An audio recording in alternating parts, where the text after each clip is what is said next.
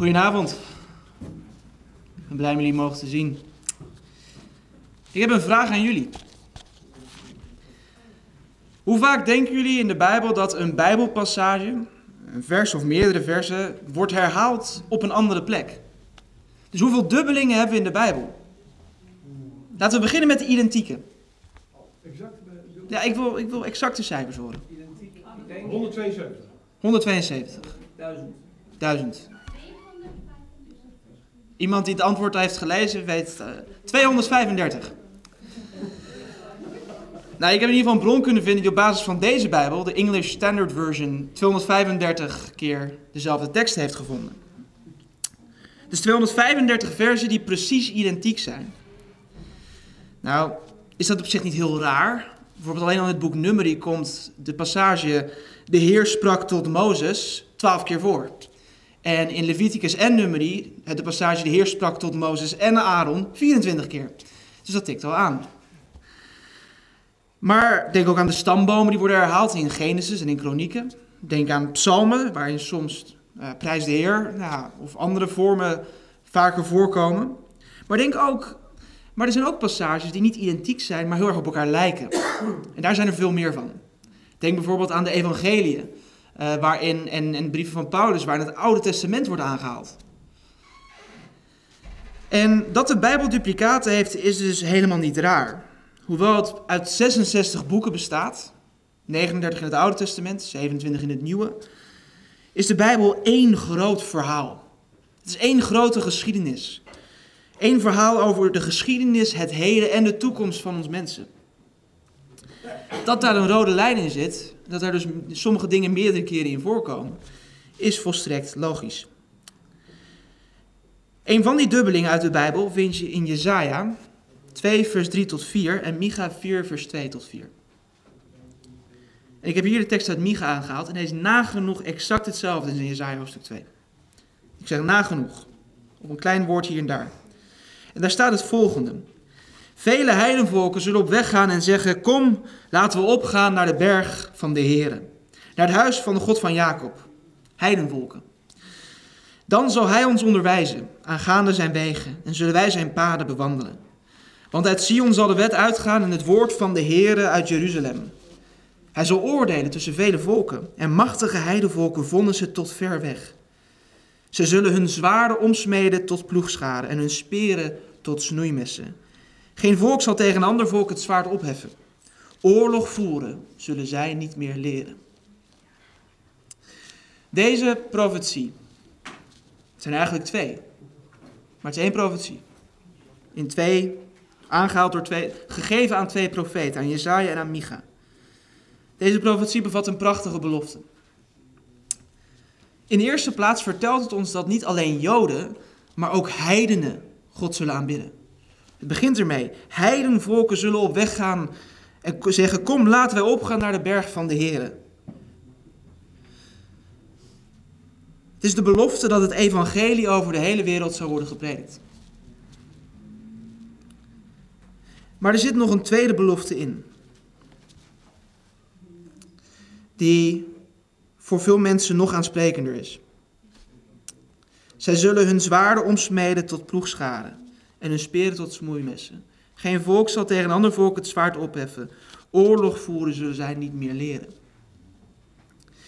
In de oude nieuwe Bijbelvertaling uit 2004 staat niet oorlog voeren zullen zij niet meer leren, maar staat geen mens zal meer weten wat oorlog is. Ik kom er zo nog op terug, maar als je de tekst goed leest, dan zie je deze profetie, die God twee keer heeft laten optekenen. Dus zowel de profeet Jezaja als de profeet Micha. Dat die profetie een link legt tussen de eerste en de tweede belofte. Het aannemen van het evangelie der Joden en heidenen leidt tot een bekering. God zal ons onderwijzen aangaande zijn wegen en dan zullen wij zijn paden bewandelen. Dat heet bekering. Je weg veranderen. En daaruit volgt een wereld waarin er geen wapens meer zijn. Geen oorlog, geen geweld meer is. En dat is het onderwerp van dit thema vanavond. Oorlog voeren zullen zij niet meer leren. pacifisme en het dragen van wapens in de Bijbel en de vroeg-christelijke gemeente. Op dit moment is pacifisme niet bepaald een populair standpunt. Pacifisme is namelijk niet alleen het streven naar vrede. De meeste mensen willen vrede als het goed is. Maar pacifisme gaat verder. Het is tegen oorlog en geweld om welke reden dan ook. Voor een pacifist bestaat er geen enkele goede reden om een conflict op te lossen met geweld. En hij of zij weigert dan ook om een wapen te gebruiken dat bedoeld is om andere mensen te doden. Op dit moment vindt er een verschrikkelijke oorlog plaats in Oekraïne. Waarin we zien hoe Oekraïense mannen en vrouwen hun land proberen te verdedigen tegen Russische agressie. We zien hoe miljoenen mensen hun huis hebben moeten verlaten. Hoe dorpen en steden plat zijn gebombardeerd. En hoe niet alleen duizenden soldaten sterven door het oorlogsgeweld, maar ook burgers. We zien hoe een land dat na de Koude Oorlog steeds welvarender, steeds ontwikkelder werd, een land in groei en bloei, nu wordt vernietigd door een zinloze oorlog.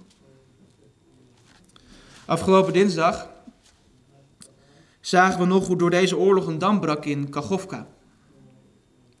Waardoor tienduizenden burgers moesten worden geëvacueerd. Honderden huizen zijn vernietigd.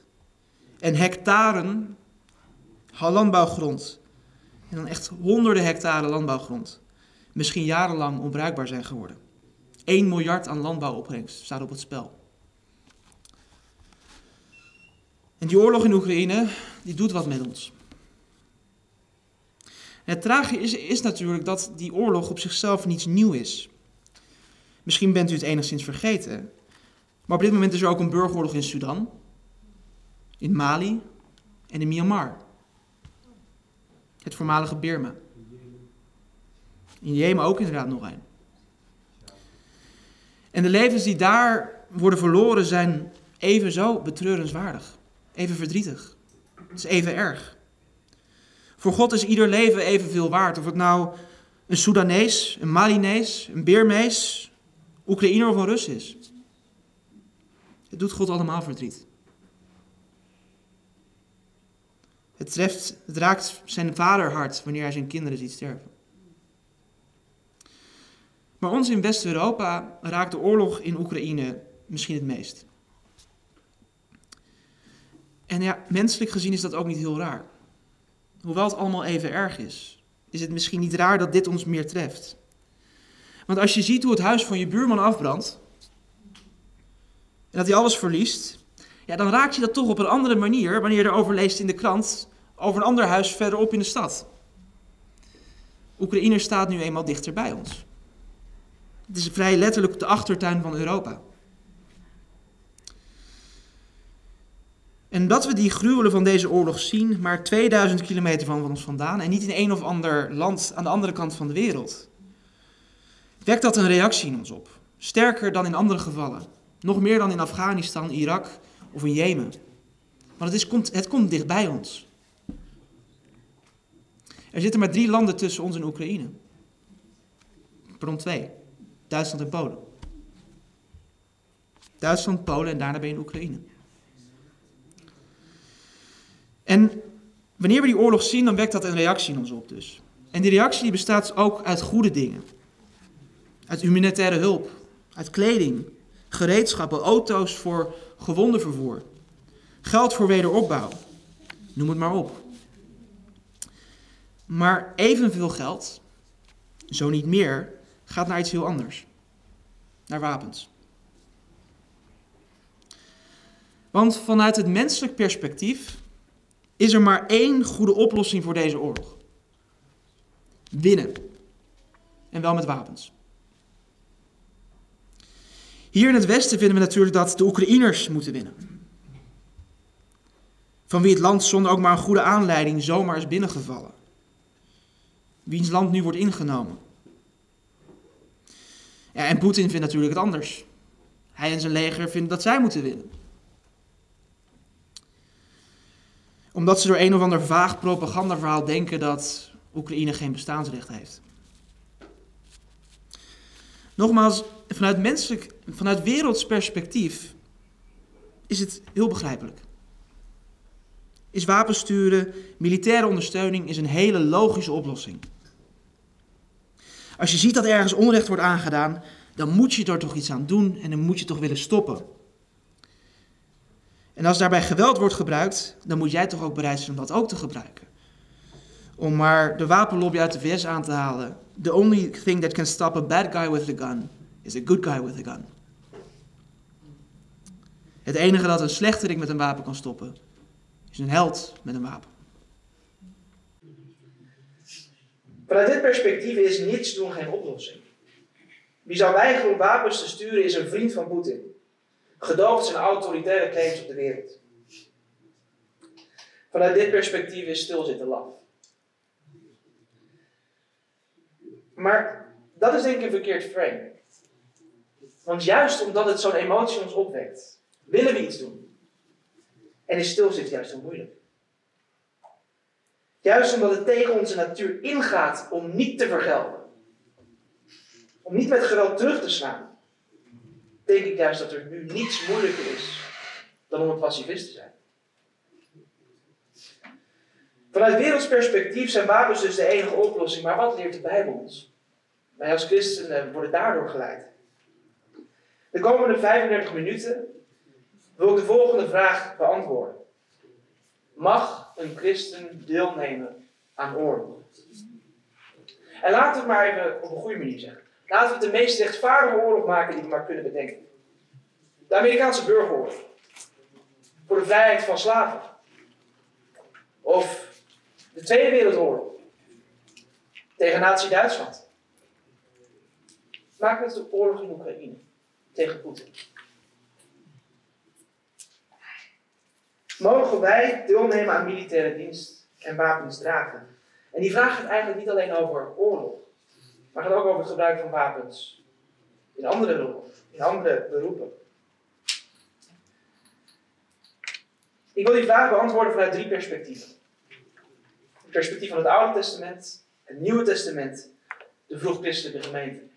Ik had nog een vierde perspectief willen toevoegen, dat van de Adventkerk voor 1914. Maar ja, dan wordt het wel een hele lange zit. Dus we houden het hierbij, bij deze drie. En ik begin maar gewoon met het heetste hangijzer. Het Oude Testament. Want in dit deel van de Bijbel zijn oorlog en geweld ja, niet bepaald een uitzondering. In het Oude Testament zien we dat mannen van God, Abraham, Jozua, David, dat deze mannen van God wapens opnemen en meedoen aan oorlog mensen doden. En we zien zelfs meerdere keren dat het hele volk ten strijde trekt. Soms op Gods bevel zelfs. En wat betekent dat? Betekent dat nou dat God in het Oude Testament oorlog altijd goedkeurde? Dat het toen geoorloofd was om wapens te gebruiken? Laten we een stapje terugnemen. En kijken naar hoe God zijn volk oorspronkelijk wilde beschermen. Stel nou dat een ander volk het volk Israël zou willen binnenvallen. Hoe zou God dan vervolgens zijn volk willen beschermen? Ik denk op dezelfde manier zoals God het beloofde land aan zijn volk oorspronkelijk wilde doorgeven.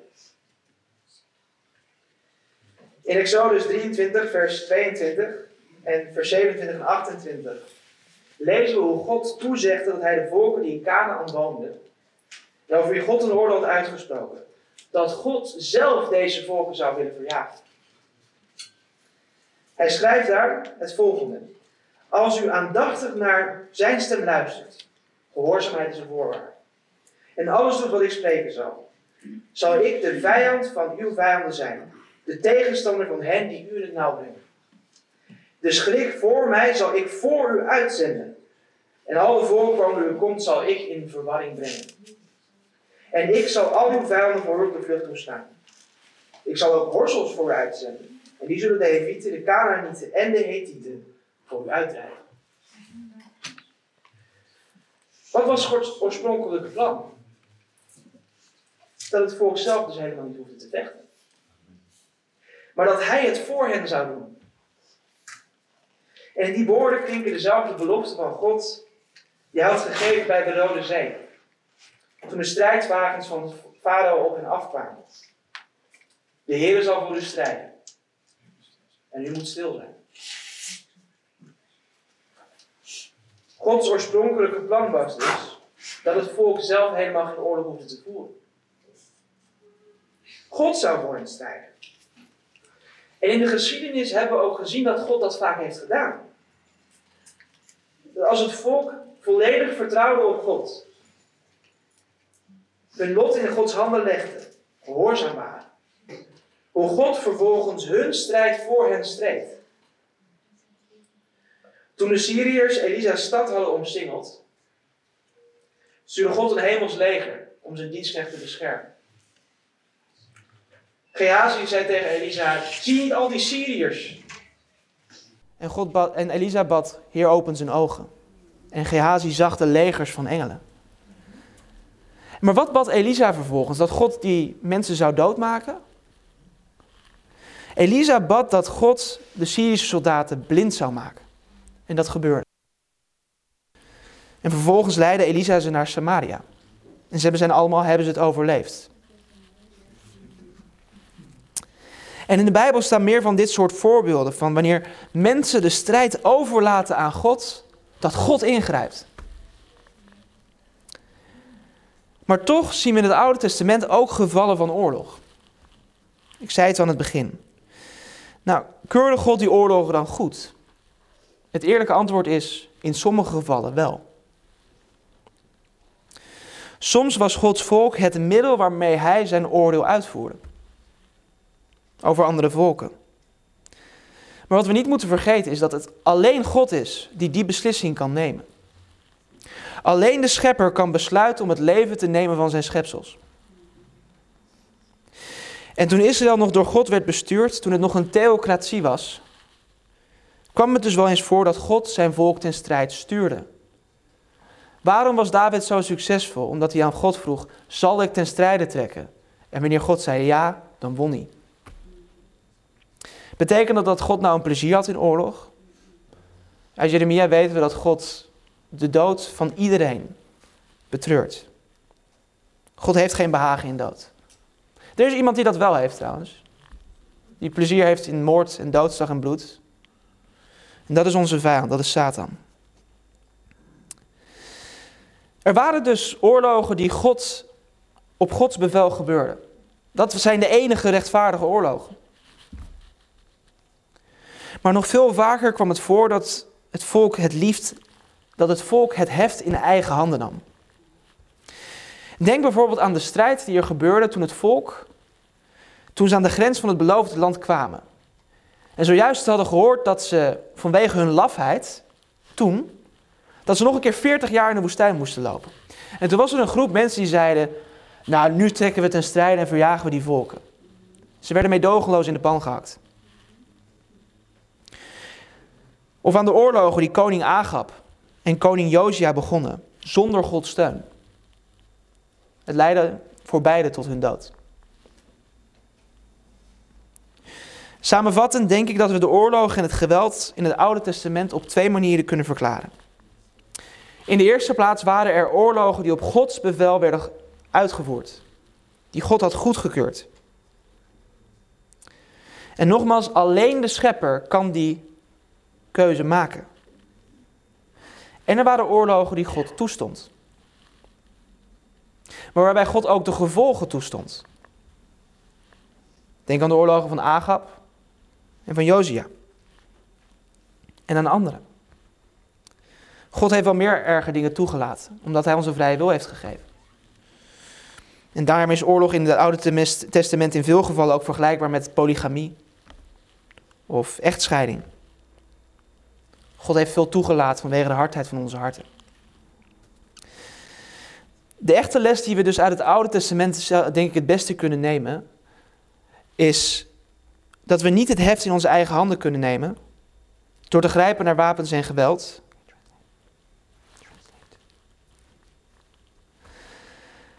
Maar om God onze strijd voor ons te laten strijden. En in dat kader moet ik denken aan een ervaring van een van onze Amerikaanse broeders. Ik vertel de ervaring zo goed als ik hem zelf kan herinneren. Zoals hij mij is verteld. Een ervaring dus die laat zien hoe we, als wij de strijd aan God overlaten, hoe God ingrijpt. Deze broeder had zojuist boodschappen gedaan en liep naar zijn auto toe. En hij deed zijn auto open en werd vervolgens omsingeld door een groep mannen. De mannen grepen hem vast en begonnen een worsteling om de sleutels van zijn auto te bemachtigen. De gemiddelde Amerikaan had waarschijnlijk het zover niet laten komen. Maar al lang naar zijn pistool gegrepen. Met een grote kans op bloedvergieten. Maar deze broeder had maar één wapen. Het zwaard van het geloof. En terwijl deze mannen hem vast hadden en met geweld probeerden te beroven, riep hij uit: In de naam van Jezus, laat me los. En weet je wat er gebeurde? De mannen lieten los en ze vluchtten weg. Misschien dat op dat moment die mannen Gods engelen zagen. En wisten dat ze deze strijd niet zouden winnen. En door het geloof van die broeder kon hij, maar ook die mannen, konden ook zij levend weglopen. En misschien zal een van die dieven met deze ervaring toch ooit zijn leven bekeren. De verhalen uit het Oude Testament laten ons dus zien wat in Exodus 14, vers 14 staat. De Heere zal voor u strijden. En u moet stil zijn. We gaan door naar het tweede perspectief. Het Nieuwe Testament. En ja, met het Nieuwe Testament is het een stuk eenvoudiger. Om te betogen dat christenen geen wapens mogen dragen. En niet deel mogen nemen aan oorlog. Het pacifisme druipt af van het Nieuwe Testament. Een boodschap van naaste liefde. En Jezus, onze vredevorst, laat dat het meest duidelijke zien in de bergreden. De mooiste redenvoering ooit gehouden. Belangrijkste toespraak, denk ik, die Jezus ooit heeft gegeven op aarde. Want in deze toespraak, de bergreden, legt Jezus uit wat Gods wet nou precies is. En legt hij uit wat het Oude Testament allemaal betekende. Wat door de Joden, door generaties lang, door verkeerde overgave verkeerd was begrepen. En Jezus maakt duidelijk dat liefde voor God, maar ook liefde voor je medemens, het fundament is van Gods hele wet.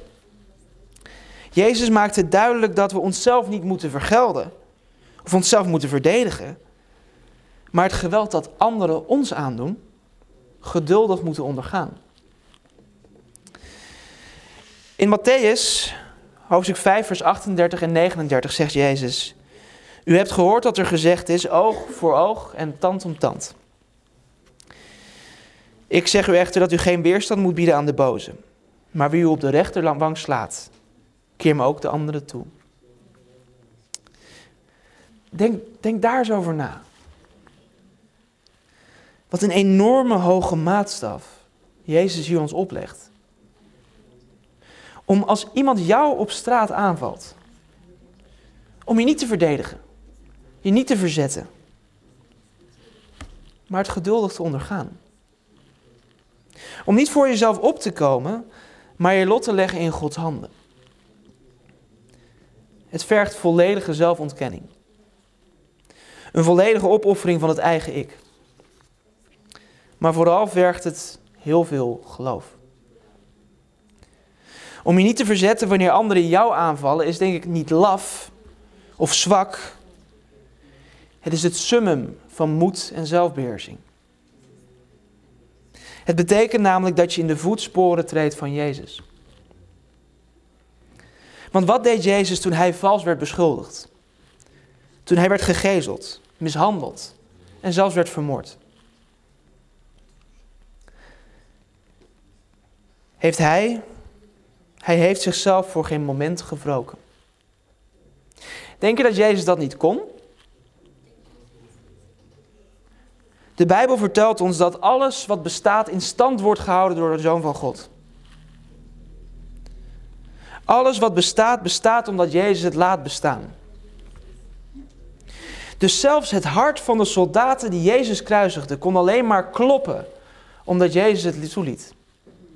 Omdat Jezus het in stand liet. Jezus was in staat om meteen een einde te maken aan zijn marteling. Hij had met een vingerknip al zijn tegenstanders, al zijn aanklagers kunnen doden. Hij liet zijn goddelijkheid zelfs zien in Gethsemane. Toen ze vroegen, bent u de Christus? Bent u Jezus? En hij zei, ik ben het. En ze viel als doden neer. Datzelfde had hij ook kunnen doen nadat hij aan het kruis ging. Waarom liet Satan anders roepen dat als Jezus Gods, echt Gods zoon was, dat hij niet van het kruis moest komen? Omdat het een van Satans verleidingen was. Maar Jezus volgde Gods plan voor hem. Hij volgde het verlossingsplan dat hij samen met de Vader had ontworpen. En onderging het geweld geduldig aan dat hem werd aangedaan. En als wij zijn volgelingen zijn, dan is hij hierin ook ons voorbeeld. Zuster White schrijft het volgende in Thoughts of the Mount of Blessing, gedachten van de berg der zaligsprekingen. De aanwezigheid van de Vader omringde Christus. En niets overkwam hem dan dat wat oneindige liefde toestond voor de zegening van de wereld. En dit was zijn bron van troost en dat is het ook voor ons. Wie doordrenkt is met de geest van Christus, blijft in Christus. De klap die op hem gericht is, valt op de Verlosser, die hem omringt met zijn aanwezigheid. Wat tot hem komt, komt van Christus. Hij hoeft het kwaad niet te weerstaan, want Christus is zijn verdediging. Niets kan hem raken, behalve met toestemming van onze Heer. En alle dingen die God toestaat, werken samen ten goede voor hen die God liefhebben. Broeders en zusters, Jezus verlangt van ons dat we vredestichters zijn. En dat vergt zo'n diep geloof in Hem. Het betekent namelijk dat je je volledig overgeeft aan Gods wil. Dat je Gods jouw strijd voor je laat strijden. En over je heen laat komen wat God toestaat dat over jou heen komt. En ik kan nog wel meer passages uit de Bijbel aanhalen. Want zoals ik al zei, het Nieuwe Testament loopt over van het pacifisme. Van vredelievenheid en naaste liefde. Maar ja, ik wil het ook nog hebben over de vroege christenen. Hoe, hoe zij dachten over oorlog en geweld. En dus sluit ik het deel van het Nieuwe Testament af met de woorden van de apostel Paulus. In Romeinen 12, vers 17 en 21 schrijft hij het volgende. Vergeld niemand kwaad met kwaad. Wees bedacht op wat goed is voor alle mensen. En leef zo mogelijk voor zover het van u afhangt. Alles wat jij eraan kan doen. In vrede met mensen. Vreek uzelf niet, geliefde, maar laat ruimte voor de toorn. Want er staat geschreven: Mij komt de wraak toe, zegt God. Ik zal het vergelden, zegt de Heer. Als dan uw vijand honger heeft, geef hem te eten. Als hij dorst heeft, geef hem te drinken. Want door dat te doen, zult u vurige kolen op zijn hoofd hopen. Word niet overwinnen door het kwade, maar overwin het kwade door het goede. En ook in deze tekst zien we de kernbeginselen van christelijk passivisme.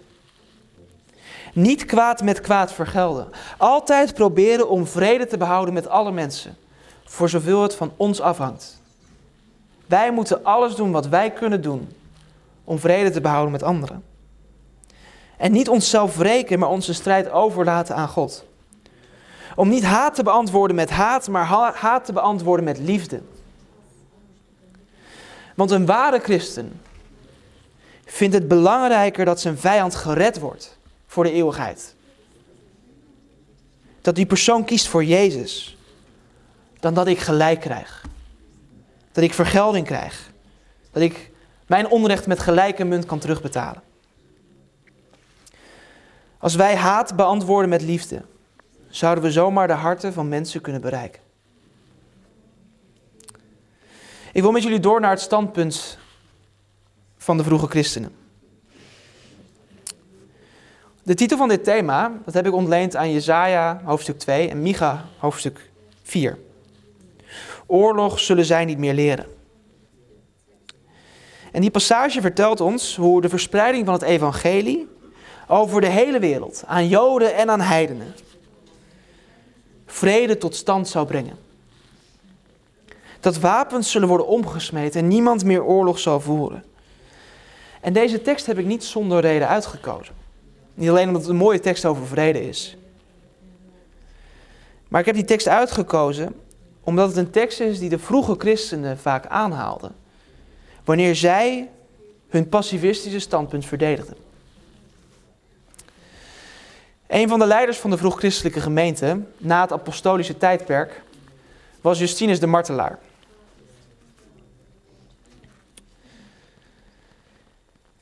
Die leefde ongeveer van 100 tot 165 na Christus. Dus hij heeft Johannes net niet meegemaakt waarschijnlijk. De openbaring.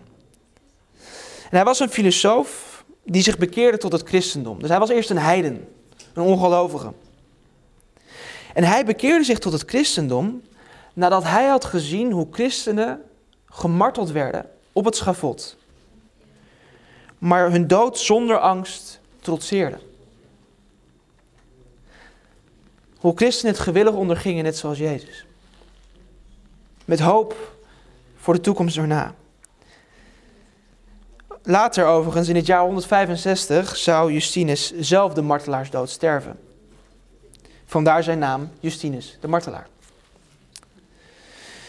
En de werken van Justinus worden over het algemeen gezien als een van de belangrijkste bronnen over de christelijke gemeente in de tweede eeuw na Christus.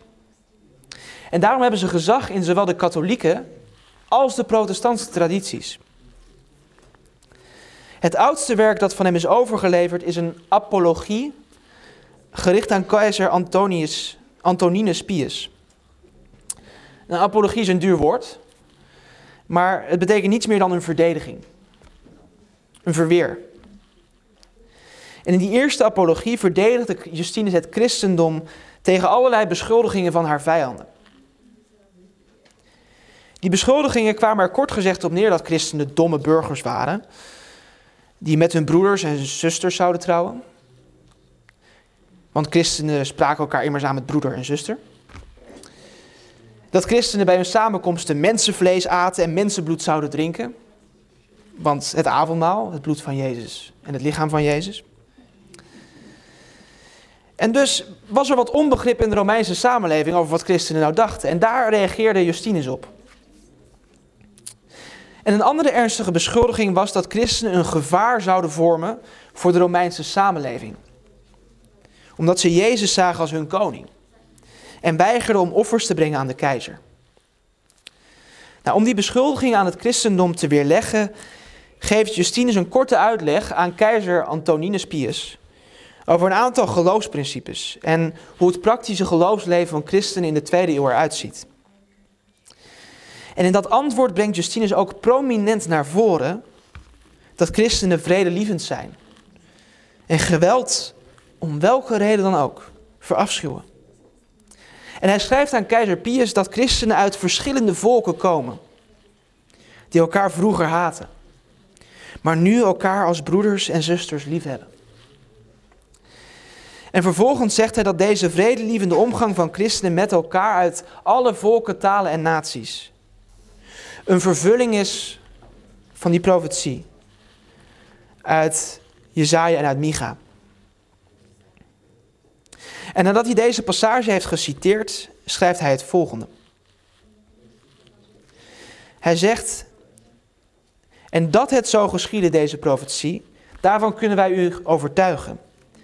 Want uit Jeruzalem gingen mannen uit in de hele wereld, twaalf in getal, en deze, ongeletterd, zonder bekwaamheid in het spreken, maar door de kracht van God verkondigden zij aan elke ras van mensen dat zij door Christus gezonden waren, om aan alle het woord van God te onderwijzen. En nu komt het.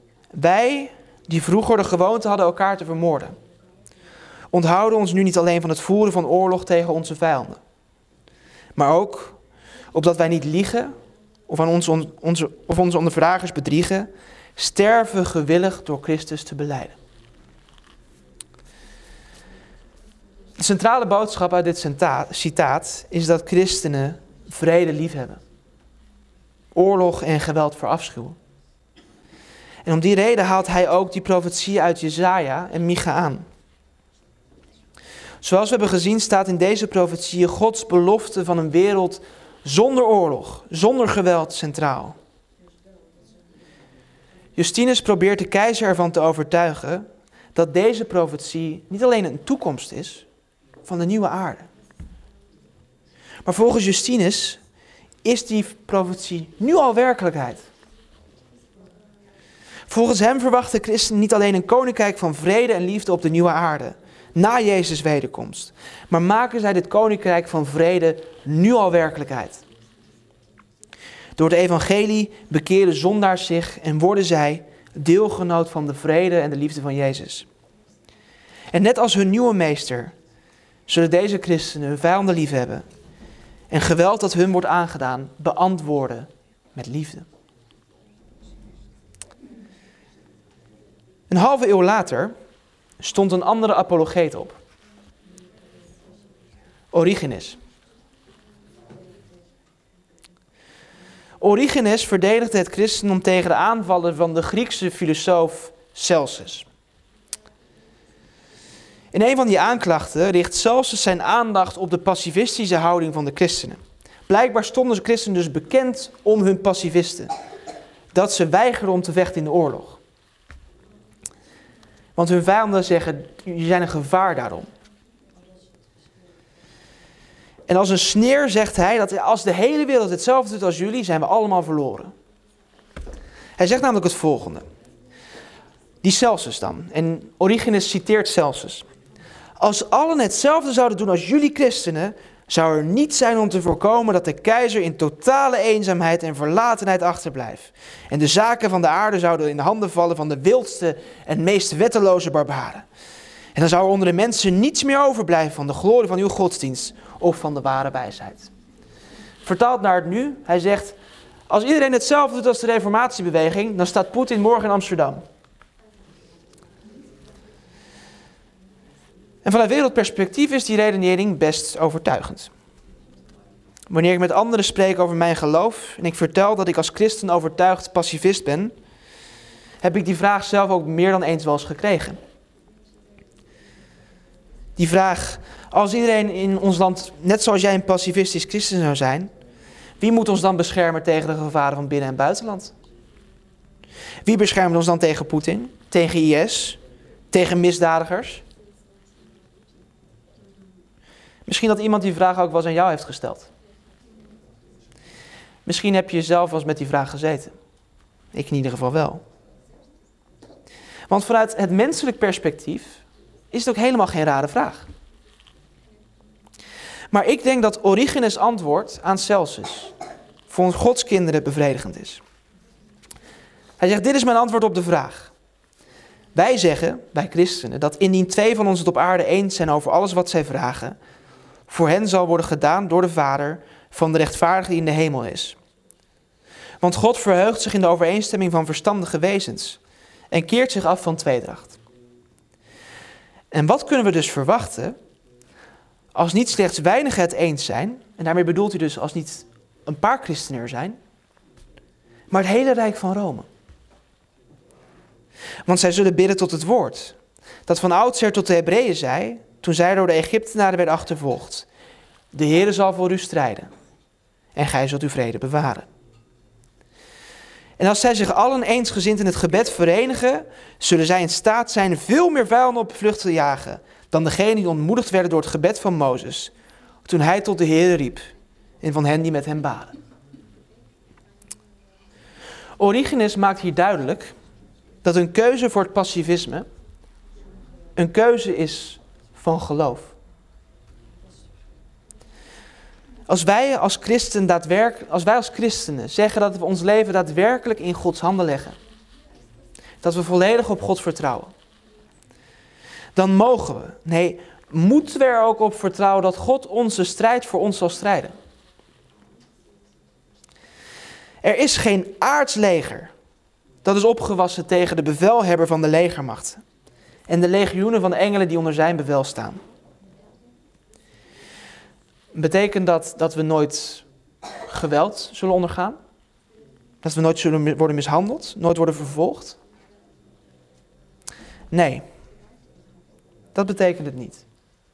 Net als onze verlosser en al zijn apostelen, allemaal, al, al, al Jezus' apostelen zijn vervolgd en mishandeld. En alle behalve Johannes hebben een martelaarsdood gestorven. Net als, net als Jezus en zijn discipelen kunnen ook wij worden blootgesteld aan leed en vervolging.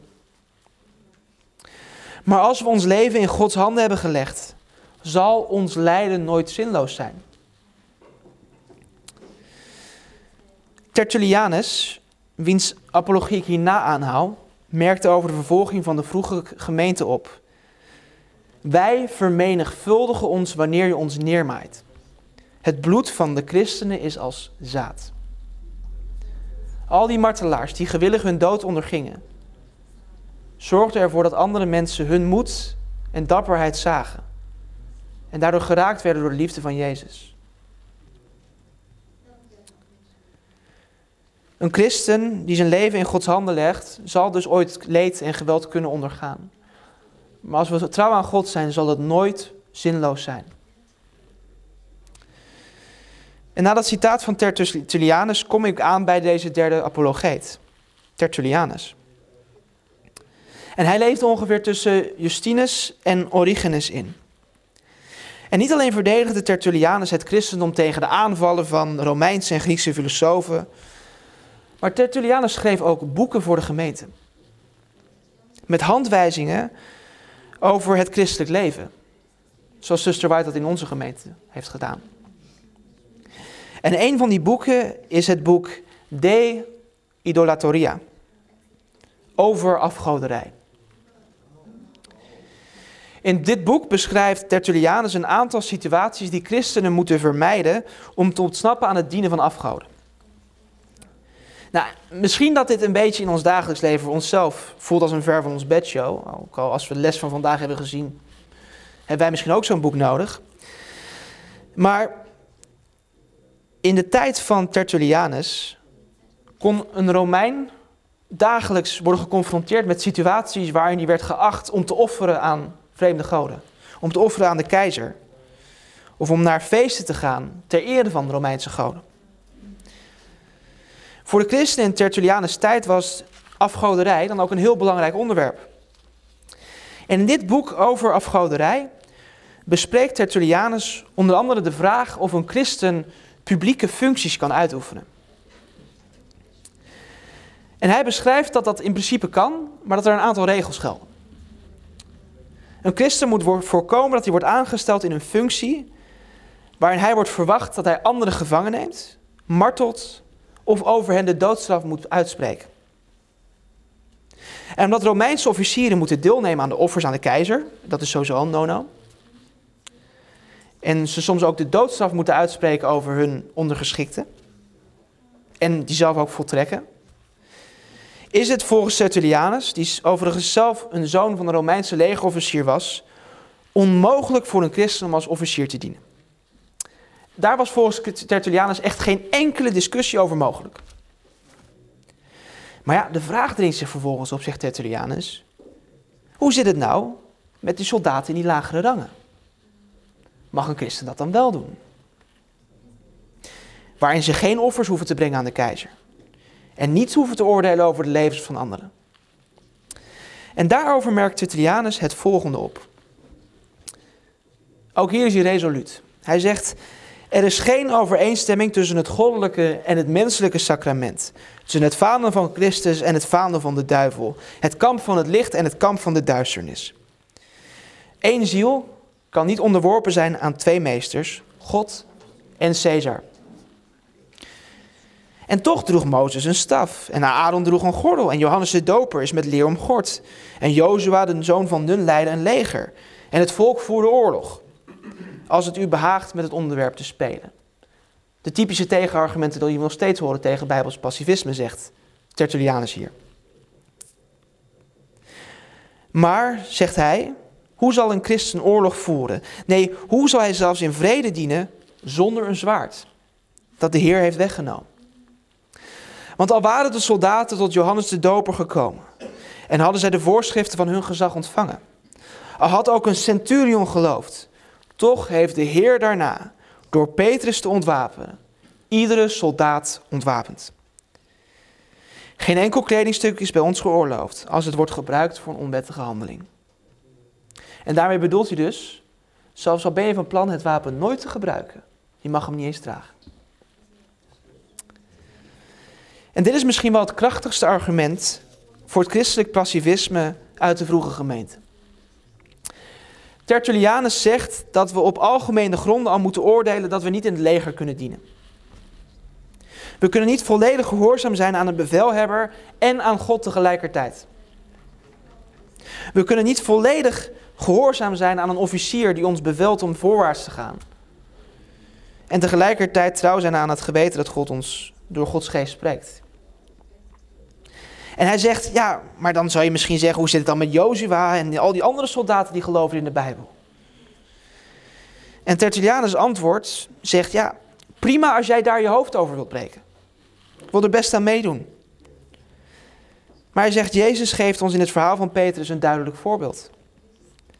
Hij wijst op het voorval waarbij Petrus zijn zwaard trok om zijn meester te beschermen. Waarin Petrus het heft letterlijk in eigen handen nam. En daarbij het oor van Malchus, de dienaar van de hoge priester, afhakte. En de heiland nam het oor en genas het. Petrus vernietigde met het zwaard. Jezus genas met zijn handen. En Jezus zei vervolgens tegen Petrus: Duw uw zwaard weer terug op zijn plaats, want alle die naar het zwaard grijpen, zullen door het zwaard omkomen. En volgens Tertullianus ontwapende Jezus met die woorden niet alleen Petrus, maar iedere andere soldaat die hem wilde volgen. Kortom, christenen, de volgers van Jezus, iedereen die zich een discipel noemt van Jezus, draagt geen wapen. En mocht u hier overigens meer over willen lezen, over de vroege gemeente en het pacifisme, dan raad ik u de meest recente Sabbatwachter aan. Waar een artikel staat van mijn hand over het pacifisme en de vroege gemeente. Maar ook waar ook andere waardevolle artikelen staan over oorlog en vrede, het thema van de afgelopen Sabbatwachter. U kunt een fysiek exemplaar kopen hier in het zendingshuis. Maar het is ook gratis te downloaden op onze website. En wanneer dit thema op YouTube verschijnt, zullen we in link zetten in de beschrijving. Geliefde broeders en zusters, vrienden van de waarheid, ik kom aan het einde van dit thema. Het thema had een centrale vraag. Mag een christen deelnemen aan oorlog? Op grond van de Bijbel? Denk ik niet. God wil dat we vredestichters zijn. En hij vraagt ons om de strijd aan hem over te laten.